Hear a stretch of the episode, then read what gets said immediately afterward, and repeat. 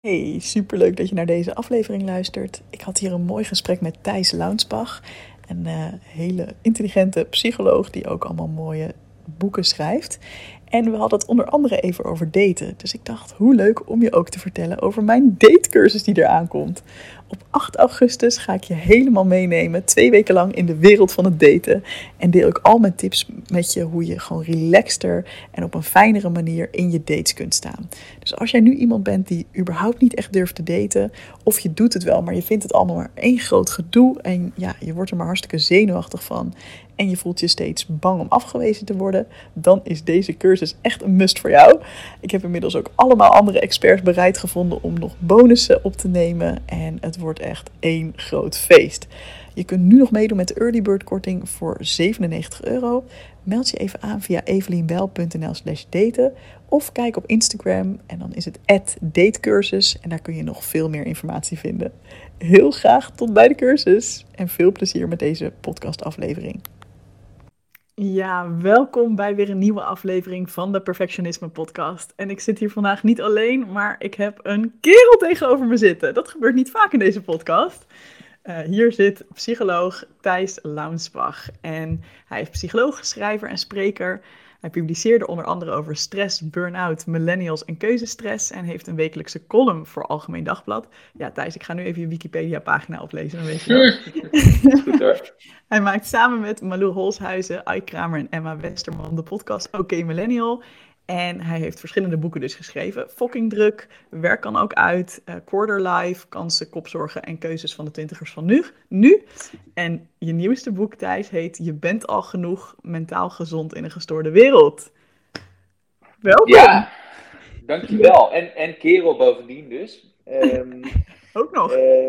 Het is wel een beetje het, het nadeel van een Wikipedia-pagina, dat je die ook moet updaten. Want die, die podcast over uh, die OK Millennial heet, met Malou en Aink en Emma, die maak ik uh, helaas niet meer. Dat was wel heel leuk om te doen, dus die heb ik wel gemaakt, maar dat doen we, doen we tegenwoordig niet meer. Oh ja, nou, er, er is nog genoeg terug te vinden voor mensen die het interessant vinden om naar, uh, naar te luisteren, denk ik. Hey, leuk, uh, leuk dat jij er bent, Thijs. Ik, uh, ik, las jouw boek, of in ieder geval het, het, eerste deel daarvan. En ik schrok eigenlijk best wel een beetje van de mentale toestand van de Nederlander die je daarin schetste. Is dat voor jou ook de aanleiding om dit boek te schrijven? Ja, nou ja, ik schrok daar ook van. het, is het, klopt, mijn, mijn boek begint zo ongeveer met, met wat ze dan noemen de geluksparadox. En wat is nou de geluksparadox? Is dat ondanks dat we het eigenlijk. Het is, als, je, als je in de wereldgeschiedenis een, uh, een, een plek en een tijd zou mogen kiezen om te leven, dan zou je waarschijnlijk het Nederland van 2022 kiezen. Want we, we, hebben het, we zijn welvarender dan, dan ooit. Dan ooit. We zijn gezonder dan ooit. Um, uh, echt bij by far, zeg maar. Um, dus, dus dit is een ongelooflijk mooie tijd om, uh, om te leven. Ondanks dat er natuurlijk ook wel uitdagingen zijn. En, en niet voor iedereen het even leuk is en zo. En de kansongelijkheid is en dat soort dingen.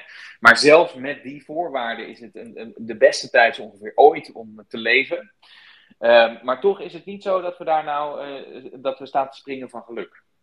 Sterker nog, het lijkt wel alsof het steeds ingewikkelder wordt om, uh, om mentaal gezond te zijn. En alsof we, het lijkt ook wel alsof we steeds ongelukkiger worden. Hè? Dus als je kijkt naar het aantal burn-outs, het aantal depressies, het aantal angststoornissen, uh, het aantal mensen dat aangeeft het leven betekenisloos te vinden, um, ja. dan is dat ook hoger dan ooit. Uh, en dat is, dat is een beetje de, de, het vertrekpunt van, van waar ik mijn boek uit, uh, hè, waar, waar, waar vandaan ik vertrok. Van hoe komt dat nou? Wat maakt nou dat juist deze tijd, waarin het toch ook op heel veel op, in heel veel opzichten heel goed gaat, juist in deze tijd het zo moeilijk is om te blijven staan als mens, om mentaal gezond in je leven te staan? Um, en dat, dat heeft voor mij heel veel te maken met de manier waarop we leven en wat we van onszelf verwachten. Um, en misschien ook wel met dat we onszelf af en toe een beetje gek maken. Mm, ja. ja, en wat je net ook benoemde, dat, dat vond ik misschien nog wel het, het meest schrikbarende cijfers. Uh, cijfers dat het land in de wereld waar de meeste mensen aangeven dat hun leven geen zin heeft, Nederland ja. is. Met 27% ja. van de ondervraagden die zegt, ja, ik vind het leven wel betekenisloos. Holy shit. Ja. Ja, dat is denk ik ook wel een consequentie van, van ehm, de, de, de afnemende invloed van religie, zeg maar. Hè? Dus dat, ehm, dat heeft daar zeker wel mee te maken. En het heeft ook mee te maken dat we tegenwoordig dus ons eigen, onze eigen betekenis van het leven kunnen maken. Of misschien wel Mm. moeten maken.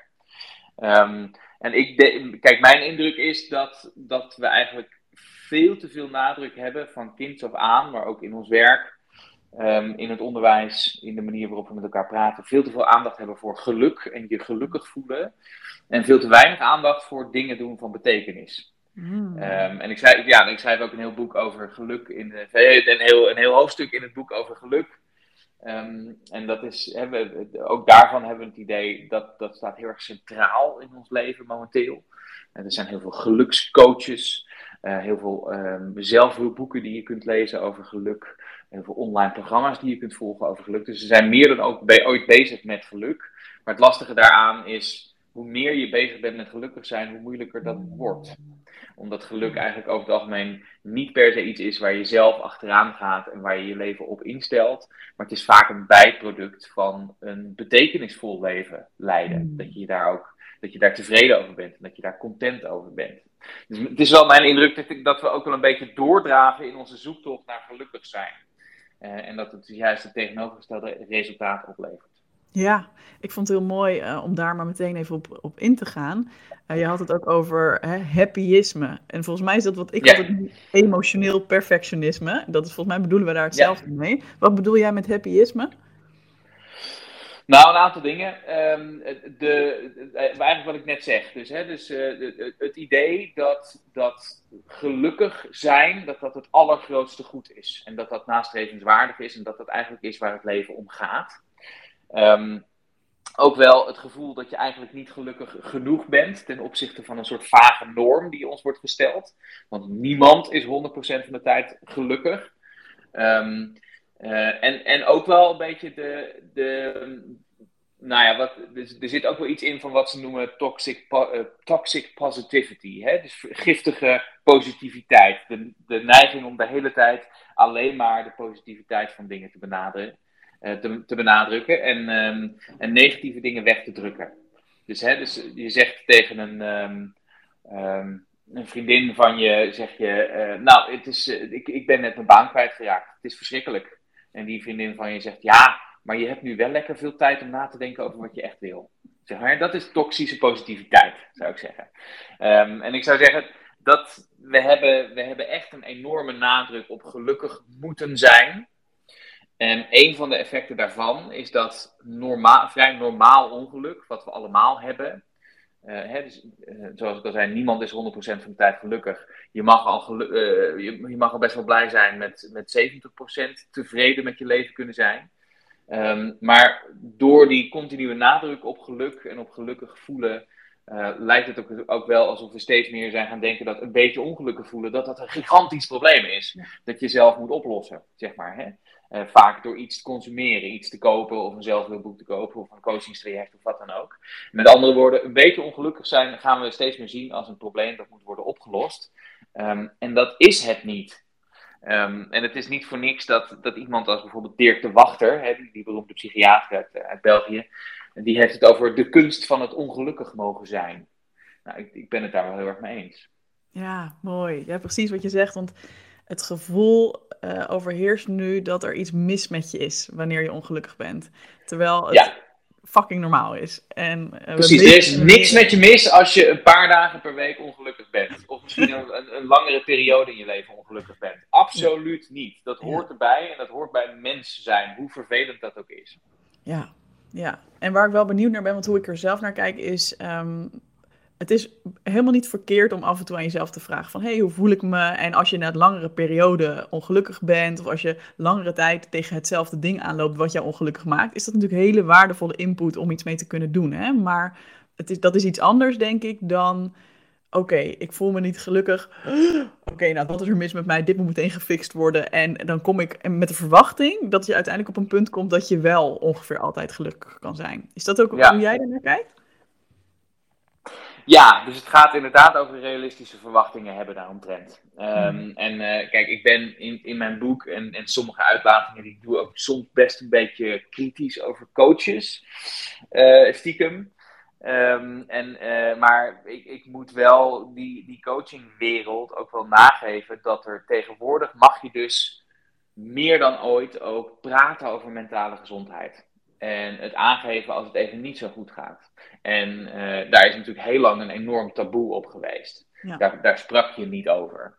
En het is een heel groot goed dat dat tegenwoordig wel kan. En dat we ook ons regelmatig de vraag kunnen stellen: hoe gaat het nou met me?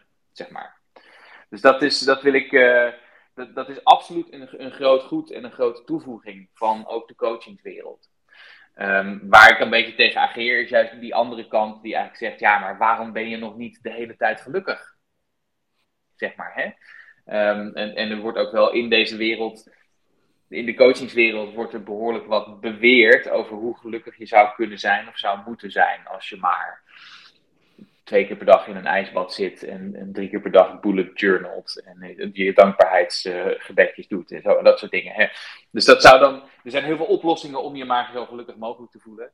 Maar er is natuurlijk helemaal niks mis met je af en toe afvragen van, hey, word ik nog wel blij van wat ik doe? Vind ik nog, ben ik nog wel met de juiste dingen bezig? Ben ik nog wel met belangrijke dingen bezig? Um, en uh, wat, kan, wat zou ik anders doen om lekkerder in mijn vel te kunnen zitten? Ja. Uh, dat is natuurlijk super gezond. Wat niet gezond is, inderdaad, zoals jij al zegt, is ook bij, bij het kleinste beetje ongeluk al denken: jeetje, er is iets mis en ik moet nu zo snel mogelijk een oplossing bedenken. Ja. Dat, is, uh, dat is toxisch, zou ik zeggen. Ja. ja, ik vind het ook leuk, want je noemde dat ook in je boek, hè, als je het hebt over die coachwereld of de zelfhulpwereld. Um, dat je het ook het verschil hebt tussen, ik weet niet of je het gezond en ongezond noemde. Of uh, ja, volgens mij, het, ja, dus, ja, gezonde zelfhulp en, en zelfpulp. Ja, precies, precies. Ja, en die ja. zat ook volgens mij hierop, toch? Dat verschil van, worden jouw gouden bergen beloofd? Hè? Wordt er inderdaad ja. gezegd van, nou, als je mijn programma volgt of mijn boek leest, dan uh, bereik je deze hoogte van uh, geluk en succes. Ja. En, uh, of zit er nuance in, en dan is het gezonde zelfhulp, hè? zit er nuance in en gaat het juist over hoe kun je omgaan met het leven waarin het heel normaal is dat je je af en toe niet lekker voelt? Is dat, klopt dat? Ja, dat ja, precies. En, dat, en, en ik denk ook het element van, uh, kijk, wat mij opvalt bij sommige motivational speakers of zelfhulpauteurs, is dat die wel echt claimen dat je dus alles met je mindset op kunt lossen. Mm. Um, dus hè, uh, het lukt als je maar je hard genoeg je best doet. Ja. Dat hele verhaal over manifesteren, hè, dus, dus, dus met je gedachten iets, een bepaalde um, een bepaald resultaat proberen af te dwingen in de buitenwereld. Uh, ik zou zeggen, dat, is, dat vind ik ook een, een, een voorbeeld van zelfpulp. Het idee dat, dat je eigenlijk alles zelf te beïnvloeden hebt, terwijl dat niet zo is. En wat er dan vaak natuurlijk gebeurt, is dat mensen die zich dan wel een beetje ongelukkig voelen, wat heel veel mensen hebben, um, want we zijn, hè, dus we hebben allemaal een soort basisgeluksgevoel waar we naar terugkeren. En bij sommige mensen is dat gewoon wat hoger afgesteld. Die zijn wat meer blije eieren van nature. En sommige mensen die hebben wat meer van van Ior van Winnie de Pooh, zeg maar, hè, van nature. Die gaan daar weer Ben jij meer een blij ei of ben jij meer een Ior van nature? Uh, nou, ik denk dat ik een beetje tussenin zit. Ik zit er wel echt tussenin. Ja. Um, ik, ik, ken, ik ken mensen die wat, die wat uh, gedeprimeerder zijn van nature, maar ik ken ook een hele hoop mensen die echt uh, wat meer staan te springen in het leven dan ik, over het algemeen. Um, maar dat is, uh, je, kan, je kan daar wel iets in aanpassen. En je kunt, je kunt dat wel iets veranderen, maar nooit helemaal. En tegen die mensen die gewoon wat ongelukkiger zijn van nature, dat is gewoon heel kloten als dat, als dat je overkomt. Maar daar heb je het maar mee te doen. En tegen die mensen dan zeggen, ja, maar dat komt omdat je verkeerd denkt. En omdat je mindset niet goed is. En omdat je al deze dingen nog niet doet. Ja, dat vind ik gewoon sadistisch. Ja, ja, een heel mooi voorbeeld van. Hè, dit gaat dan over geluk. Uh, ik had laatst ook een heel mooi voorbeeld. Ik sprak een, uh, een hele toffe dame, een, een coach met een goedlopende praktijk. En zij. Um, ik had eigenlijk verwacht, wat ik vaak zie bij coaches, zeker zij is uh, 50 plus, uh, vaak zie ik dat zij redelijk de zweverige kant op gaan. Nou, daar vind ik helemaal niks mis mee. Um, maar snap je wat ik bedoel? Dus dan is het vaak van, hè, ja. en ik ben zelf ook soms hartstikke zweverig hoor. Um, dus ik zei, ik, ik zei zoiets van, uh, ja, geloof je een beetje in dat soort dingen? We hadden het een beetje over manifesteren en dat soort dingen. En toen zei ze, mhm. nee, nee, ik geloofde er vroeger wel in. En ik heb me helemaal kapot gemanifesteerd. En ik heb echt, uh, weet je wel, en dan, ging het nog niet goed met mijn praktijk. En dan ging ik nog een cursus volgen. En dan werd me nog weer verteld van, ja, je vindt het gewoon jezelf nog niet helemaal waard genoeg. Je hebt nog steeds uh, belemmerende overtuigingen. Je hebt, je hebt nog steeds blokkades. En toen ging ik marketing toepassen en toen ging mijn bedrijf wel goed lopen. en dan ik echt, ja, hoe ja, lekker. Precies, je had alleen de marketing nog niet gemanifesteerd. Oké, nou fijn. hoe lekker. Gewoon, ja, erg mooi. Ik vond, ik vond het echt een heel leuk voorbeeld. Want ik dacht echt, ja, meestal zie je mensen steeds meer die zweverige kant op gaan. En dit was juist iemand die daar dus heel erg in gezeten had. En zei, ja, uiteindelijk moet je gewoon bepaalde stappen zetten. En dan gaan er dingen soms wel werken, weet je wel. En niet om daarmee te zeggen dat voor iedereen alles op te lossen is met marketing of met stappen zetten. Maar ik vond het een mooie, mooi verhaal. Nou, er, is natuurlijk een verschil tussen, tussen doelen. Kijk, er is niks mis met doelen voor jezelf stellen. En, en bezig zijn met wat is het einddoel dat ik wil bereiken en hoe kom ik daar naartoe. Ik ben er ook echt van overtuigd dat hoe meer je dat doet en hoe meer je dat overdenkt, je hoeft niet al voor 100% te, te hebben gedefinieerd waar je naartoe moet, maar nadenken over wat wil ik nou eigenlijk bereiken, wat wil ik dat mijn werk is of wat mijn werk doet, daar is natuurlijk helemaal niks mis mee. Maar wel met het idee dat je dat dus ook op die manier kunt afdwingen in de buitenwereld. dat is bijna een beetje, dat is een, een idee dat je ook in georganiseerde religie tegenkomt. Hè? Dus als je dan, als je ongeluk overkomt, dan is dat omdat je niet genoeg hebt gebeden. Of niet hard genoeg mm. je best hebt gedaan. Zeg. En er zit een beetje van, van die kant zit in, in, dat, in dat idee van manifesteren. Ehm, en bijvoorbeeld ook inderdaad voor, wanneer het dan niet lukt. Dan heb je het dus blijkbaar ook, dan is dat helemaal je stomme eigen schuld. Want dan heb jij niet hard genoeg je best gedaan. En zo werkt het natuurlijk niet. Maar het is heel interessant wat je zegt, want we hadden het ook aan het begin over waarom is het nou nu zo'n zo'n enorme mentale crisis in bijvoorbeeld Nederland.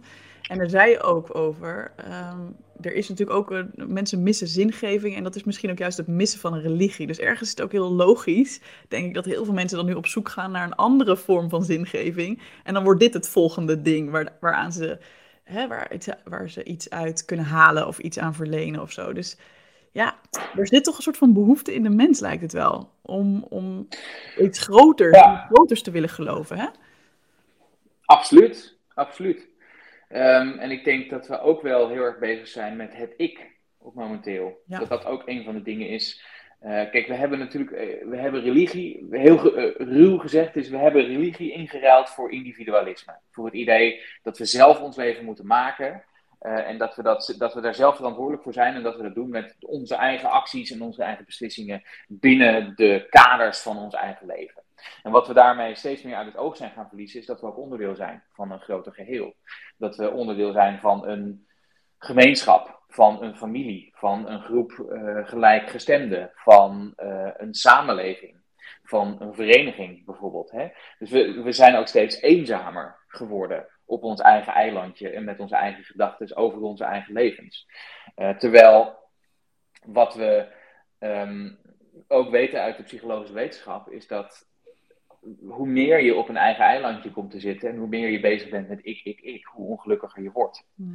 En hoe meer verbinding je hebt met anderen, en hoe, hoe meer je in verbinding staat met andere mensen in je leven, op wat voor manier dan ook, of dat nou nabije vrienden zijn, of je gezin, of een gemeenschap of je buurt, zeg maar, hoe meer je dat doet, hoe gelukkiger je daarvan wordt. Hmm. Ehm, en ik denk, ik denk wel eens dat we dat besef een beetje kwijt zijn geraakt in onze hyper geïndividualiseerde manier van naar de wereld kijken. Dus je kunt veel beter ehm, eh, ehm, nadenken over hoe je meer onderdeel kunt zijn van een gemeenschap waartoe je behoort, of van de buurt waarin je woont, dan dat je bezig bent met uh, heel uh, geïndividualiseerd manifesteren van je eigen gedachten, zou ik hmm. zeggen. Ja, super boeiend. Ja, je had het ook aan het begin van je boek, geef je een heel mooi voorbeeld. Um, ik weet niet of het helemaal hierop aansluit, maar ik wil het er toch graag over hebben. Dat is, je hebt het over een moment Ehm, dat jij gaat klimmen met een vriend van jou, Hans. ja, met Hans. Ja, We moeten het er even over hebben, Thijs. Wil je, wil je even vertellen wat er gebeurt als jij met Hans... Ja, ja, ja, precies. Uh, ik, ik, ik klim te weinig met Hans tegenwoordig, maar goed, ik vond het wel een mooi voorbeeld. Maar um, ja, wat daar, wat daar gebeurt, uh, en ik, ik leg dit uit aan de hand, het is in een hoofdstuk dat gaat over verwachtingen. Um, en dan, uh, wat ik dan vertel is dat ik dan inderdaad vaak ga klimmen met Hans... En dat ik dat heel leuk vind, behalve het moment dat ik samen met hem in de kleedkamer sta. En dat, dat ik mijn, mijn dertigersbuikje uh, vergelijk met zijn strakke wasbordje. En dan, krijg ik altijd een beetje een rotgevoel van. Ja, jeetje, Mina, ik doe hartstikke mijn best met sporten. Ik probeer gezond te eten, maar zo'n wasbordje als Hans, dat zou ik wel nooit bereiken. En dan baal ik een beetje van mezelf, zeg maar. Uh, maar wat blijkt nou, dat, dat hoorde ik laatst van Hans, dat hij helemaal niet zo bezig was met mijn, met mijn dertigersbuikje of met zijn sixpack. En dat hij zich daar niet zo heel erg mee vergeleek. Maar dat hij juist jaloers was op mij om, op, mijn, uh, op, op het feit dat ik nog best wel wat haar heb en hij al een beetje kalende is. Uh, en dat dat, dat dat hetgene is waar hij zich mee aan het vergelijken was, waar ik dan weer beter uit de bus kwam.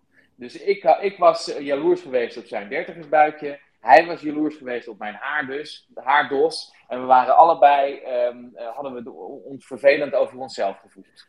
Nou, dat is, dat is de, de anekdote waar ik, waar ik die, dat hoofdstuk mee begon. En dat gaat dus heel erg over de verwachtingen en hoezeer we ons aan anderen spiegelen. En hoezeer we ons in dat spiegelen aan anderen um, enorme verwachtingen krijgen over waar we zelf aan moeten voldoen. En dus zelf negatief uit de bus komen. Ja, ik vond, ik vond het heel mooi dat je dat deed. Je deelt sowieso veel, uh, nou, veel. Je deelt regelmatig even ook stukken over jezelf. En dat vind ik altijd zelf een stuk prettiger lezen dan als het alleen maar de expert is die even zijn mening geeft. Um, ja. je, je, hebt ook een stuk inderdaad over de eenzaamheid waar je het net over had. En dat jij in je eentje op een mm. studentenkamertje zat en in je eerste jaar en dacht, what the fuck, iedereen heeft een vet, leuk studentenleven. Zit ik hier een beetje een magnetronmaaltijden weg te eten en, uh, en series te bingen. Uh, dus dat vond ik heel mooi. Precies. En dit voorbeeld specifiek um, vond ik heel tof om. Ik, ik ben heel benieuwd, hoe ging dat gesprek?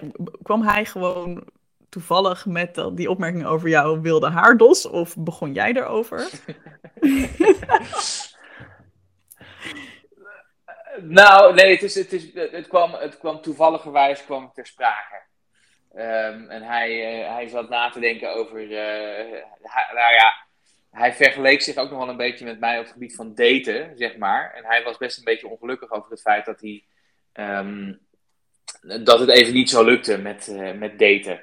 Terwijl hij dat wel heel graag wilde. En hij had dan zelf voor zichzelf heel erg. Ja. Dus als ik het goed begrijp, hebben we hier een man met een sixpack die graag wil daten. Uh, op zich. Ja, ja, precies. Je, je, hebt mijn mailadres, dus uh, weet je. Ja, is goed. Ik, ik zal het doorgeven aan, uh, aan Hans. Uh, Hans tussen aanhalingstekens natuurlijk. Maar, um, ja, nee, dat, dat, dat, dus dat, dat is waar we dat gesprek over hadden. En toen ja. zei hij, ja, maar jij hebt ook gewoon heel veel haar. Um, en dat is, hij was heel erg vooral daarmee bezig, was daarmee gepreoccupeerd. Ja. Terwijl ik dacht, ja, je ziet er hartstikke goed uit, man. Um, maar ik denk dat dat, dat dat wel heel erg klopt met, met wat er natuurlijk vaak gebeurt. Is dat je de hele tijd bezig bent met wat je nog niet hebt. En niet zozeer met wat je al wel hebt, zeg maar. Hè? Wat je al wel hebt bereikt of hoe je eruit ziet. Of uh, de positieve kant aan jezelf. Dus we worden ook wel een beetje afgetraind op negatief zijn over onszelf. Op wat we mm. nog, waar we nog niet aan de norm voldoen. Um, ja. Dus dat, uh, ja, nou goed, dat. Ja, en ik vond het zo mooi omdat, uh, ja, het is dus nu een beetje per ongeluk op jouw pad gekomen omdat hij het besprak. Maar zou je ook zeggen dat daar misschien ook wel een tip in zit van, om, om zulke dingen ook gewoon eens te bespreken? En, en misschien is dat iets wat, wat wij vrouwen al best wel vaak doen, hè? generalisaties uh, daar gelaten. Maar is, is dat ook iets wat mannen eigenlijk makkelijk doen, dat soort dingen bespreken, in jouw ervaring? Nee, Nee, dat denk ik eigenlijk niet. Maar ik weet ook niet eh, of ik heel erg met de analyse mee kan gaan dat vrouwen in mijn omgeving daar ook wel heel erg makkelijk over praten. Ik denk dat dit vaak ook, ook iets is dat onuitgesproken blijft. En dat juist die eisen die we aan onszelf stellen, hmm. daarom maak ik die ook heel expliciet in het boek. Hè? Uh, dan zet ik die allemaal eens even op een, op een rijtje, omdat die juist onuitgesproken blijven. Ja. Um, dus ik denk dat het, dat het heel goed is om die, om die wat meer uit te spreken, omdat vaak al door die op een rijtje te zetten en na te denken over wat verwacht ik nou eigenlijk van me, van mezelf. Hè? Dat je inderdaad een, een relatie hebt waarin je elkaar allemaal blind uh, um, uh, snapt en nooit ruzie hebt en nooit woorden hebt. En dat het ook na jarenlang nog een fantastisch seksleven hebt. Hè, dus wat verwacht je nou eigenlijk van jezelf op die vlakken? Ja. Waar vaak op uitkomt, is dat, je, dat, je, dat dat niet de verwachtingen zijn van een. Hè, dus dat het niet het leven is van een normaal mens, maar van een superheld. En dat je het dus eigenlijk nooit kunt halen. Ehm, dus nee, ik denk dat we daar te weinig over spreken. Ik denk misschien mannen ook nog wel nog minder hoor. Want zeker op het gebied van uiterlijk, denk ik dat, ehm, dat er ook ongelooflijk uh, behoorlijke, nou ja, strenge regels zijn of verwachtingen zijn over hoe mannen eruit moeten zien, waar je eigenlijk heel weinig, hè, waar heel weinig mannen aan voldoen. Ja. Ehm, en heel veel mannen dus van zichzelf het gevoel hebben, ja, maar ik, ik, ben niet goed genoeg, want ik zie er, want ik heb een buikje of ik heb wat minder haar of um, ik, ik, ben wat, ik ben geen fotomodel of ik ben mm. niet zo gespierd als ik denk dat ik zou moeten zijn. Zo, hè? Dat, ja. dat hele ding. Dus ik denk dat daar zeker misschien met name, als ik, het zo, als ik er zo nu met je over praat, met name ook voor mannen eh, heel erg veel in eenzaamheid aan wordt geleden. Ja, precies, precies. Dat zat ik ook te denken inderdaad. En, en dat juist doordat je zo'n moment had even waarin, het, waarin je het besprak, dat je ineens ziet van, oh maar wacht even, dit is heel erg mijn beeld van wat dus blijkbaar belangrijk is of waar anderen heel erg op letten. Maar dat komt alleen maar door mijn eigen onzekerheid over dit ene punt. En andere mensen nou, niet alleen maar hè niet alleen mhm. maar, want ik denk, weet je, ik weet niet zo superveel af van, het, van die hele, hele datingwereld, maar wel dat dat behoorlijk streng is. Hè? Dus dat je, mhm. ehm, dus alleen al de opdracht, uh, mannen onder de 1,80 hoeven al niet te reageren. Nou ja, je lengte, daar kan je dus helemaal geen fuck aan doen, zeg maar. Hè? Dus dat, is, dat zijn um, extreem, strenge eisen die er worden gesteld. Ook, ook echt door de buitenwereld. Dus niet alleen door onze eigen onzekerheid, maar ook door de, door de buitenwereld. Ja, moet je je voorstellen dat je dus al um, laten we zeggen, 60, 65 procent van de, van de potentiële kandidaten alleen om lengte al uitsluit. Nou, dat is, dat is ja, goed. Um, dat is inderdaad het online, online date ja. uh, gevaar. Ja, ja, dat het uh, te, te, makkelijk is om. Ik zie het ook gebeuren bij een superleuke vriend van mij. Waarvan ik echt denk: ja, jij bent, jij bent echt goed relatiemateriaal. En ja, dat het gewoon op online dategebied totaal niet werkt. Omdat er inderdaad bepaalde verwachtingen waarschijnlijk zijn. Waar hij dus door het algoritme niet helemaal lekker bovenaan komt. Ja, dat is wel... Ja, dus en, en je moet er op een bepaalde manier uitzien. En je moet ook nog eens bepaalde sociale skills hebben. Hè? Je moet iemand ook nog eens achter een beetje op een leuke, vriendelijke, charmante manier achterna zitten. Je moet erg extravert zijn. Um, je moet het liefst ook nog een beetje verdienen en, en niet bij je ouders wonen, zeg maar. Hè? Um, dus het, ja, het, is een, het is een enorm eisenpakket waar natuurlijk maar een, een, paar eenhoorns aan voldoen. En heel veel mensen maar voor, voor een betrekkelijk klein deel. Ja, ja, daarbuiten vallen. Ja. En als we het inderdaad hebben, hè, dit gaat over bijvoorbeeld dating apps, de online wereld. Jij bent ook vrij duidelijk in je boek over sociale media. ik zie je, ik, mhm. quote even, fuck Instagram. En later in je boek, sociale media zijn vergif voor je hoofd. Uh, nou, ik denk dat we allemaal wel begrijpen wat je daarmee bedoelt. Ook als het gaat over jezelf vergelijken, is dit denk ik een, uh, nou, een bron van uh, potentiële ellende. Maar ik ben wel heel benieuwd. Um, jij als schrijver, um, ondernemer. Jij presenteert jezelf natuurlijk wel op social media. En daar heb je natuurlijk ook profijt van. En heel eerlijk, um, ik, heb jou, ik ken jou helemaal niet. Ik heb een keer op jouw foto geklikt, geklikt omdat ik dacht, oh, dat is wel een knappe kerel. En toen dacht ik, oh, oh, die heeft ook nog wat leuks te vertellen. Dus zo werkt het natuurlijk toch ook wel weer, hè? Dus hoe, hoe, hoe vind jij daar een balans in? Je geeft in je boek daar een mooi, uh, mooi onderscheid tussen. Daar zijn we weer. We hadden even een kleine technische mishap. maar het is gelukt. Thijs, ik, ik had Instagram had gehoord dat, uh, dat we kritisch gingen zijn over Instagram, dus die had ons eruit gegooid. Ik had jou net echt een, een, ziek hard compliment gemaakt en toen viel het uit. En, uh, ongemakkelijk. Wat wilde je voor briljant zeggen? Instagram. Dus hoe, hoe, uh, ja, hoe navigeer jij social media? Als persoon die er ook wel gebruik van moet maken. Ja, ik vind dat dus ontzettend moeilijk. Um, omdat beide dingen kloppen. Um, ja, ik, en ik denk dat dit heel veel mensen een soort, soort Jeetje, Mina, ik ben echt niet meer scherp. Goedemorgen zeg. Het, is, het, zal de, het zal de knip zijn geweest. Dat ik nou, um, dat ik denk, waar was ik in mijn verhaal? Nou, ik denk dat dit de situatie is waar heel veel mensen in zitten. Dat je en toch ook wel op de een of andere manier voor je werk of, um, of om erbij te horen of om in contact te staan met mensen die ver weg wonen toch wel gebruik wil kunnen maken van die, van die middelen. Maar ook dat je op de een of andere manier moet zorgen dat je niet daar jezelf helemaal in verliest. Want dat gebeurt nogal snel bij sociale media. Um, en we, we, weten ook echt uit de, uit de uh, psychologische literatuur dat de risico's van sociale media dat die echt aanwezig zijn.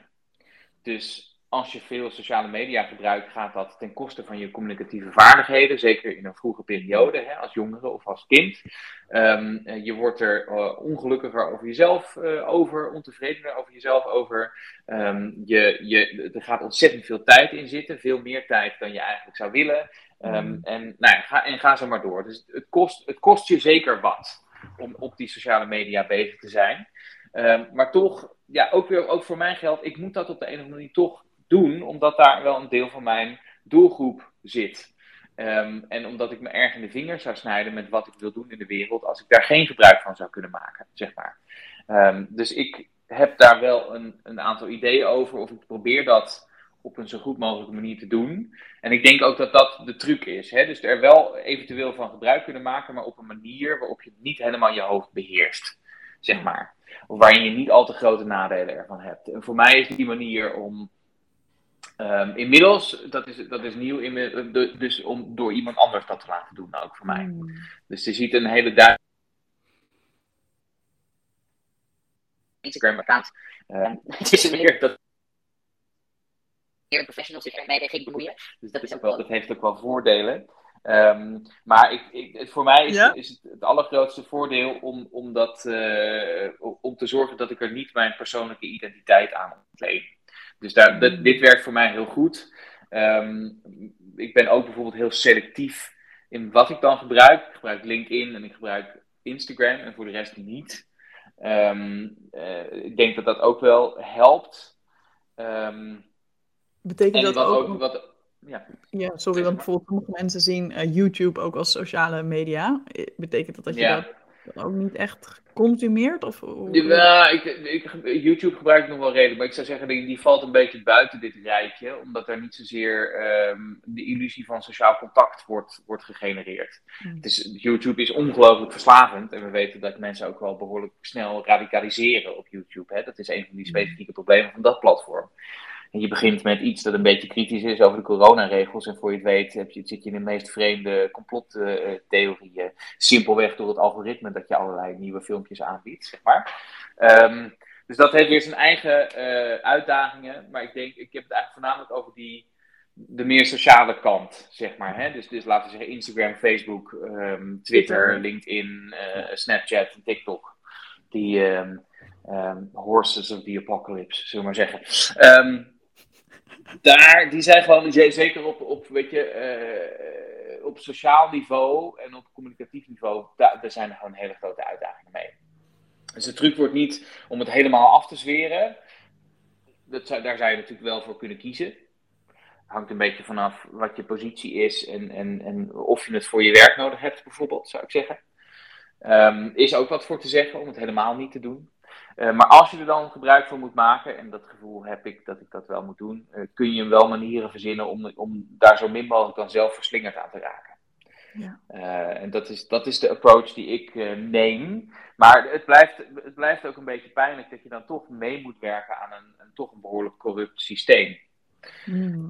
dus daar ben ik me wel bewust van. Ik denk ook trouwens wel dat, weet je, we hebben in, in dit gesprek over social media en hoe je dat nou doet, het, is, het is tamelijk individueel gericht, zeg maar. Hè? Dus je moet zelf kiezen of je daar nou meedoet of niet. En je moet dat voor jezelf vooral inregelen. Terwijl ik denk, hier zit ook gewoon een enorme politieke verantwoordelijkheid. Mm. We zouden eigenlijk toe moeten naar betere sociale media. Waarbij je misschien zelfs gewoon een, een bedragje per maand betaalt. Zodat niet jouw data worden verkocht als businessmodel.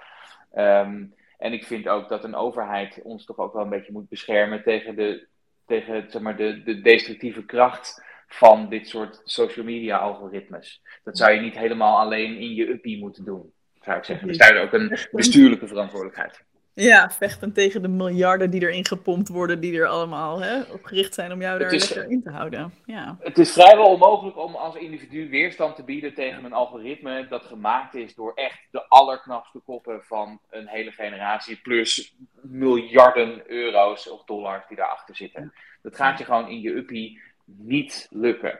Ja. Uh, dus dat zal, een, zal ook iets collectiefs moeten zijn. Ja. We, we, ik denk ook dat het, dat het tijd wordt dat we, dat we betere sociale media eisen. Uh, en dat we dat als, als collectief doen en niet als individu. Ja, dat is wel een mooi bruggetje ook naar het derde deel van jouw boek. Hè? Want jouw boek is in drie delen opgedeeld. Uh, het begint bij hoe zijn we onszelf kwijtgeraakt. Hè? Dus daar leg je heel erg uit wat, nou, waar we het net ook al over hadden, wat voor factoren er spelen dat we nu zo ver bij onszelf vandaan zijn geraakt. Um, mm-hmm. Dan gaat het over, uh, als ik het goed heb, je, jezelf weer terugvinden, jezelf leren kennen en um, ja, daar zelf wat mee doen. Maar het derde gedeelte gaat ook heel erg over het systeem veranderen. Ja. Dat we het systeem moeten veranderen. Wil je daar iets over vertellen? Wat zou er, wat zou er anders moeten? Ja, nou, ik, ik ben dus echt in het boek voornamelijk gaan kijken naar, de rode draad is, is mentale gezondheid. Het eerste deel gaat over wat maakt nou ons mentaal gezond zijn of, of je fundament houden als mens zo ingewikkeld. Dan heb ik het over social media, over de geluksterreur, waar we het over hebben gehad, over de manier van werken tweede deel gaat inderdaad over wat kun je nou zelf doen om mentaal gezond te zijn in deze gestoorde wereld. Um, daar hebben we al een aantal dingen van, van behandeld. En het derde deel gaat ook over mentale gezondheid als collectieve verantwoordelijkheid, zeg maar. Hè? En ik zou zeggen, uh, ook dit is niet alleen een individuele uh, kwestie. Het is niet alleen een individuele um, opdracht. Het is ook iets waar, waar we met z'n allen voor op moeten draaien, zou ik zeggen. En dat, ik, behandel een aantal verschillende paden in die richting. Um, bijvoorbeeld uh, politieke verantwoordelijkheid. Ik denk dat de politiek enorme, een, een, een, nou ja, een enorme verantwoordelijkheid hierin heeft als het aankomt op bijvoorbeeld preventie van mentale problemen. Veel meer investeren in het sterker maken, het mentaal sterker maken van mensen. En niet alleen maar ingrijpen op het moment dat iemand al uh, eraf ligt, zeg maar, een burn-out heeft of uh, niet verder komt in het leven. Um, ik denk ook dat een overheid, hè, waar, we het net over hadden, um, uh, ook een rol heeft in het beschermen van de burgers tegen, tegen echt corrupte techbedrijven, zeg maar. Um, dus, dus daar zit denk ik een grote verantwoordelijkheid. Um, ik heb het ook daarover uh, wat, het, wat er in het onderwijs zou moeten gebeuren. En ik zou zeggen, en dan ben ik overigens niet de enige in het, niet de eerste die die gedachte heeft hoor, maar zou er niet een vak moeten komen dat gaat over mentale weerbaarheid in onze hmm. gestoorde wereld? Mm. Um, dus uh, hè, waarin je emotioneel intelligent wordt gemaakt, zeg maar, en waarin je leert op jezelf te reflecteren en iets leert over hoe je in elkaar zit. Um, eigenlijk al die dingen die heel belangrijk zijn in het leven, maar die eigenlijk rakelings aan bod komen op, uh, binnen het onderwijs. Um, moet, moet, ik een beetje mee oppassen, omdat we ook natuurlijk als samenleving wel heel veel verantwoordelijkheid leggen bij het onderwijs, ook over, over opgroeien. Maar ik denk dat dit wel echt een, een hele belangrijke taak is van het onderwijs, waar nu te weinig aandacht voor is. Um, voor mij is, dat, is mentale weerbaarheid uh, minstens even belangrijk als wiskunde, zeg maar. Ja. Ja. Uh, en ik, ik, denk dat het ook wel tijd wordt dat het onderwijsprogramma dat ook reflecteert. Um, en ik, heb, ik zeg iets in dat, in, in dat derde deel over de manier van werken. Ik denk dat er ook qua goed werkgeverschap heel veel nog te halen is in, uh, in, in, in werkende mensen uh, mentaal gezonder maken. Of dat nou gaat over uh, meer de bedrijfsvoering inrichten naar betekenis geven en minder naar. Hè? Of dat het gaat over um, mensen wat meer flexibiliteit geven om hun eigen manier van werken en hun werktijden te bepalen. Of dat het gaat over um, misschien uh, een vierdaagse werkweek in plaats van een vijfdaagse werkweek. Daar is ook heel veel, uh, daar, daar is ook nog heel veel te halen, zou ik zeggen. Ja, ik vond het heel leuk dat jij, je schreef een bepaalde meme uit van dat een organisatie dan aan werknemers doorgeeft van hey, we vinden het super belangrijk dat jullie je mentaal goed voelen. En, uh, en dat werknemers dan reageren, oh super fijn. Ja, het zou misschien wel relaxed zijn om iets relaxtere werktijden te hebben. Wat minder werkdruk, wat meer zingeving. Ja. En dat dan, nee, nee, dat de organisatie zegt, nee, we dachten meer aan een cursusje mindfulness. Ja, ja precies. Ja. Dus dat, ja. Uh, dat is wel een mooi, ja, natuurlijk. Ja, dat is wel een mooi voorbeeld. Dat, hè, van wel mooi weer, hè? Ja quick fix vaak wordt gezocht. Hè? Van, oh shit, het is een thema. Want als je ziet bijvoorbeeld ziekteverzuim stijgen. En zie je het aantal... Hè? Ik heb zelf in de HR-wereld ook wel gewerkt. En dan wordt er inderdaad altijd een beetje gekeken van... Oh ja, en oké, dan doen ze nog, nog, net een differentiatie op... Wat is dan de achterliggende oorzaak? Oh, veel mentale klachten. Oké, wat kunnen we doen? Wat kunnen we doen? En het is inderdaad super... Ja, quick win-achtig. Het is natuurlijk veel makkelijker om iets toe te voegen. Hè? Om een, een, cursusje of een trainer of een workshop, wat dan ook, aan je mensen aan te bieden. Dan dat je echt gaat kijken naar wat gebeurt hier nou structureel. En wat is hier nou eigenlijk aan de hand? Wat hebben mensen echt nodig? Zeker wanneer um, oplossingen, zoals inderdaad misschien een flexibele werkweek, uh, op het eerste gezicht de groei lijken te belemmeren. Ik denk dat daar ook wel, uh, dat, dat, vaak is wat er, wat er misgaat. En is van, oké, een cursusje, dat kunnen we wel doen. Maar um, ja, als we echt ons hele weet je werkritme om moeten gaan gooien... of mensen moeten minder gaan werken, ja, dat, uh, dat gaat een beetje tegen de bottom line in. Hoe, uh, ja, absoluut. En het, het, het, ja. we hebben daar ook het idee dat, uh, dat vaak bijvoorbeeld stress of burn-out, want daar hebben we het dan qua werk vaak over, dat dat een gevolg is van individuele kenmerken. He, dus mm. iemand ze, kan zelf de werkdruk niet aan of kan geen prioriteit stellen. Uh, dus werkgevers, tenminste is mijn indruk, vinden het vaak best een, een moeilijk, moeilijke gedachte dat het ook wel eens met de werkomstandigheden te maken ja. kan hebben. Ja. Of met de bedrijfscultuur, of met de bedrijfsvoering, zeg maar. Hè? Uh, terwijl natuurlijk in feite is dat, is dat wel vaak aan de hand. Ja. Um, dus, uh, dus ik denk dat, dat nou, wat ik net al zei, bij goed werkgeverschap ook hoort dat je kijkt naar wat is nou onze manier van werken en hoe kunnen we mensen zo gezond mogelijk maken. En niet het probleem gaat externaliseren op het, moment, op het moment dat er dan iemand uitvalt van de stress. Dat je dan zegt, ja, maar die kan ook gewoon niet goed tegen stress. Ja, precies. Ja, zelfs, op een gegeven moment zie je zelfs van die posities waar dan drie of vier keer achter elkaar al iemand is uitgevallen. Hè, dat er dan een ja. nieuw iemand komt, die valt dan weer uit. En, en, misschien dat er dan een keer een kwartje valt ah, ja. God, wat toevallig dat nou precies op die positie de hele tijd mensen terechtkomen die zo gestrest zijn. Wat een loser! Wat een loser nemen we steeds aan. Ja. Hoe kan dat nou? Ja, precies, ja. Nee, dat is... Uh, en, en, dat, dat, gebeurt natuurlijk vaak. En je hebt mensen die. Het is heel logisch dat, dat het voorkomt dat mensen gewoon twee, eigenlijk twee, de, de workload van, van twee, drie banen op zich nemen. Ja, en dat hou je wel even vol, maar zeker niet heel lang. Ja. Hey, en dan toch nog heel even terug naar het individu om mee af te sluiten. Want uh, mensen die deze podcast luisteren zijn ook uh, individuen. Um, ja. Maar individuen als onderdeel van een groter geheel van deze maatschappij natuurlijk. Het, niet, het gaat niet ja. alleen maar om jou als individu. Nee, wat ik ook, niet. Wat ik heel mooi vond, wat je ook schreef, is uh, een hoofdstuk fucking moe. ja. Super herkenbaar. En je zegt ook iets, en dat is, wij lijken soms alles te doen, behalve genoeg rust te nemen en naar de signalen van ons lichaam te luisteren. Ja. En daarna, ik wil ook nog een stukje aanhalen dat je volgens mij later zegt over zelfzorg.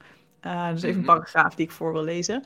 Dat is, als je het mij vraagt, is voor jezelf zorgen, je lichaam en je hoofd geven wat het nodig heeft, dag na dag. Het is een voorwaarde voor een betekenisvol leven.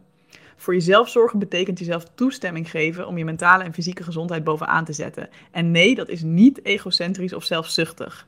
Dat is een situatie scheppen waarin anderen op jou kunnen bouwen. Je kunt pas voor anderen zorgen wanneer je dat ook voor jezelf kunt. Zelfzorg is dus geen luxe, maar bittere noodzaak. Ja, lekker. Lekker tijd. ja, leuk. Ja, nee, dat is, ja, absoluut. En ik denk dat het daar vaak misgaat. Kijk, ik, ik, schrijf ook ergens in het boek, ik heb gewoon best wel een gekke baan. Want ik word vaak ingeschakeld door bedrijven om dan iets te vertellen over omgaan met stress. Um, en dan zeggen mensen na zo'n praatje vaak, ja, maar dit wisten we toch al? En dat klopt natuurlijk, want we weten vaak ook wat je zou kunnen doen tegen stress. En welke dingen je zou kunnen Weet je, in dat hoofdstuk over zelfzorg schrijf ik een aantal dingen die eigenlijk iedereen wel weet. Het is goed om, om, te, om, om, om een goed slaappatroon te hebben, een gezond slaappatroon te hebben, om gezond te eten, om flink te bewegen, om um, uh, momenten van rust in te lassen in je week en af en toe een beetje te spelen. Zeg maar. dat zijn geen vreselijk nieuwe dingen. En iedereen weet deze dingen ook wel. Wat het lastige is, is, is dat er een heel groot verschil is tussen weten en ook doen. Um, en dus het gaat niet zeer om weten wat je kunt doen, maar om jezelf belangrijk genoeg maken om dat ook daadwerkelijk te gaan doen. Want het probleem is natuurlijk dat, dat er vaak heel veel andere dingen te doen zijn. Je werk is belangrijk, je wil ook nog je gezin bestieren, je hebt ook nog allerlei sociale dingen op de planning staan en dan raakt het een beetje, dan, dan, dan, dan, dan is nou net dat hetgene dat je, dat je overslaat. Um, en zeker omdat daar toch ook nog wel vaak ideeën omheen zitten van ja, voor jezelf zorgen, dat is een beetje decadent. Of het is erg egocentrisch. Of uh, ja, je gaat toch niet voor jezelf zorgen, je bent toch geen watje of nietje. Um, Terwijl, ja, ik zou zeggen dat, nou ja, in het stukje wat jij net voorleest al, hè, dus het is echt een voorwaarde om goed te kunnen leven. Om die belangrijke dingen te doen, om uh, het, ook, ook je, je werk of, of je taak in het leven op, een lang, op de langere termijn vol te houden. Um, dus het is niet, het is niet iets voor wat je doet als je er een keertje tijd voor hebt, voor jezelf zorgen. Of als je er echt bijna helemaal af ligt. Of als je toevallig die vakantie in het verschiet hebt. Maar het is echt iets dat je op dagelijkse basis doet. Ook al kost het tijd. En ook al hmm. neemt het tijd weg die je, die je anders kunt besteden aan andere dingen. Maar gewoon omdat het goed voor je is, zou ik zeggen. Ja. Ja, en ik, wat ik mooi vind aan dit stukje is dat je inderdaad zegt, want dat is iets wat ik uh, van heel veel perfectionisten hoor, is het voelt egocentrisch. Het voelt egocentrisch. En juist ook hebben we begonnen deze podcast bijna met een tirade tegen het individualisme. En ik hoor de perfectionisten al denken, oh, inderdaad, inderdaad, ik moet, ik moet nog minder voor mezelf gaan zorgen. En ik moet nog meer mijn familie opeenzetten en mijn vrienden opeenzetten. En alle andere mensen. Want uiteindelijk gaat het niet om mijn geluk, maar uiteindelijk gaat het om dat ik een betekenisvol leven leid. Dus hoe heb je daar nog een tip voor voor mensen? En dat, juist... en dat klopt ook. Ja, en dat, dat, daar heb je helemaal gelijk in. Maar de manier om dat te doen is, is jezelf ook in staat stellen om een bijdrage te leveren. En dat doe je dus soms door heel hard te werken, maar soms ook juist door even wat gas terug te nemen, zodat je het op de lange termijn volhoudt. Het is, weet je, het is, het is een enorm cliché geworden, maar terecht denk ik ook het, het beeld van het zuurstofmasker. Mm. als je, je krijgt instructie in het vliegtuig, als de, als de zuurstofmaskers naar beneden vallen, eerst je eigen zuurstofmasker opdoen en dan pas andere mensen gaan helpen met hun zuurstofmasker. En dat is niet omdat het belangrijker is, omdat jij zelf belangrijker bent dan al die mensen, maar omdat als je eerst andere mensen gaat helpen en jezelf uit het oog verliest, kun je even helemaal niemand meer helpen. Dus als voorwaarde om dat te kunnen doen, is het nodig dat je jezelf eerst in staat stelt om dat te doen. Dus dat is, dat voelt misschien egocentrisch, maar dat is het niet. Want het is hetgene dat je nodig hebt om dingen te kunnen doen, hè, andere mensen, klaar te staan voor andere mensen en je betekenisvolle taak uh, te, te, te doen. Ik ben er heel benieuwd naar om dat even concreet te maken, want ik denk dat iedereen voelt dat dit beide belangrijk is. Maar hoe doen we dit in de praktijk? Dus heb jij misschien een voorbeeld vanuit je eigen leven? Misschien is het wel iets wat jij geleerd hebt, hè, waar jij vroeger niet voor jezelf mhm. zorgde en wat jij nu wel doet. Um, dus waar, waar je misschien een keuze hebt tussen ga ik nu inderdaad voor anderen zorgen of doorwerken of niet. Uh, hoe maak jij die afweging voor jezelf? Nou, uh, door eigenlijk al deze dingen die, die ik net noemde vrij stelselmatig toe te passen. Dus uh, ik zie bijvoorbeeld, ik, ik, ik, ik heb voor mezelf de stelregel dat ik elke dag iets aan bewegen doe of aan sport doe. En dat is heus niet altijd een hele zware training. Dat is vaak ook een, een, een yogalesje, zeg maar. Maar dat is iets dat ik gewoon heel stelselmatig inplan. En ik zie dat als onderdeel van mijn werkweek. Dat doe ik gewoon als noodzakelijk onderhoud, zeg maar. Um, wat ik ook doe is regelmatig even inchecken bij mezelf en denken, ja, wat, wat, hoe voel ik me nu? Um, wat zou ik nu, wat zou ik nodig hebben? Wat zou ik mezelf kunnen geven? of, of dat nou een dutje is of uh, dat ik mezelf trakteer op iets lekkers, zeg maar. He, dat, gaat, dat gaat ook daarover. Ja. Um, uh, en ik zorg dat er ook regelmatig momenten zijn dat ik even weg kan. Want ik ben iemand die niet heel makkelijk rust kan nemen thuis, omdat ik veel thuis aan het werk ben. Uh, dus dat heeft als consequentie dat ik vaak ergens anders naartoe ga om even echt af te koppelen, zeg mm. maar. Dus ook dat vind ik is, is onderdeel van mijn zelfzorgroutine. Lekker. wat doe je dan het liefste? Ja, dat soort dingen. Wat vind je het allerlekkerste? Wat is echt een plek waarvan je denkt, oh, daar kom ik echt tot rust? Um, nou, ik vind, dat is dus best wel, best wel een lastige. Uh, dus, dus, vaak ging ik dan naar het buitenland. Maar ik heb onlangs uh, een, een, een, een, huisje in de bossen gekocht. Mm. Uh, deels deels voor de, voor, om, om ook wel te verhuren, maar deels ook wel om zelf te kunnen zitten. Dus dat, is, dus dat zijn we nu nog vooral aan het, nou ja, een beetje aan het opknappen en zo. Maar dat, wordt, dat moet wel de plek worden waar ik ook echt even los kan van de, van de rest van de wereld. Ja.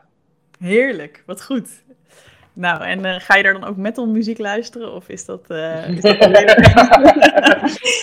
mijn, mijn metaldagen zijn toch wel een beetje, liggen toch wel een beetje achter me. Dus ik denk dat ik nu eerder uh, Bach opzet dan Iron Maiden. Uh, maar, uh, en ik denk dat dat voor de rest van die plek ook wel, hè, dus voor het park waar we dan zitten, dat, dat dat best wel, uh, dat, wel lekker dat, dat, dat, meer geapprecieerd wordt. maar je, je, hebt tegenwoordig ook hartstikke goede koptelefoons waar je even flink heftige muziek op kan zetten zonder dat andere mensen daar last van hebben.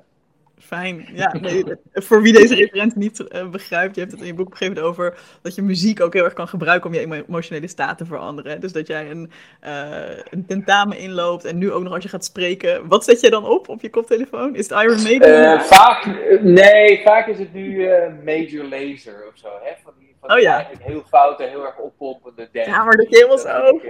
ja, ja, precies. Lekker in de lucht. Heerlijk. Ja. Thijs, dit was het einde van ons gesprek. Uh, Ik wil je ontzettend bedanken voor de mooie, waardevolle inzichten die je hebt uh, gedeeld. Iedereen, koop dat boek. Het boek uh, Je bent al genoeg mentaal gezond in een gestoorde wereld. Echt een aanrader. En als mensen meer van jouw werk te weten willen komen, waar kunnen ze jou dan vinden? mijn website. Ehm, daar, daar kun je wat dingen over boeken vinden. en daar kun je je ook inschrijven op, op de nieuwsbrief die ik één keer in dezelfde tijd uitgooi. waarin of, of wat je ook kunt doen is ehm, op mijn socials. Um, dus LinkedIn of, of, Instagram. En wat ik daar in ieder geval doe, is elke week even de column die ik heb geschreven voor die week uh, opzetten. Dus als je dat leuk vindt, dan uh, ja, wees ik van harte welkom. Zou ik zeggen. En jouw website is tijnslaunsbach.nl? Ja. Alright. Klopt. Dankjewel Thijs, superleuk gesprek. Graag gedaan, hartstikke leuk. En uh, wie weet tot de volgende keer. ja, Ik hoop dat je hebt genoten van deze aflevering. En hierbij nog een kleine reminder dat als je mee wil doen aan de datecursus, dat zeker nog kan. Meld je even aan via evelienbel.nl slash daten. En dan gaan we vanaf 8 augustus heerlijk aan de slag met dit mooie, maar soms ook spannende thema. En als je nog wat meer wil lezen, dan kan dat op Instagram via @datecursus. Heel graag tot ziens!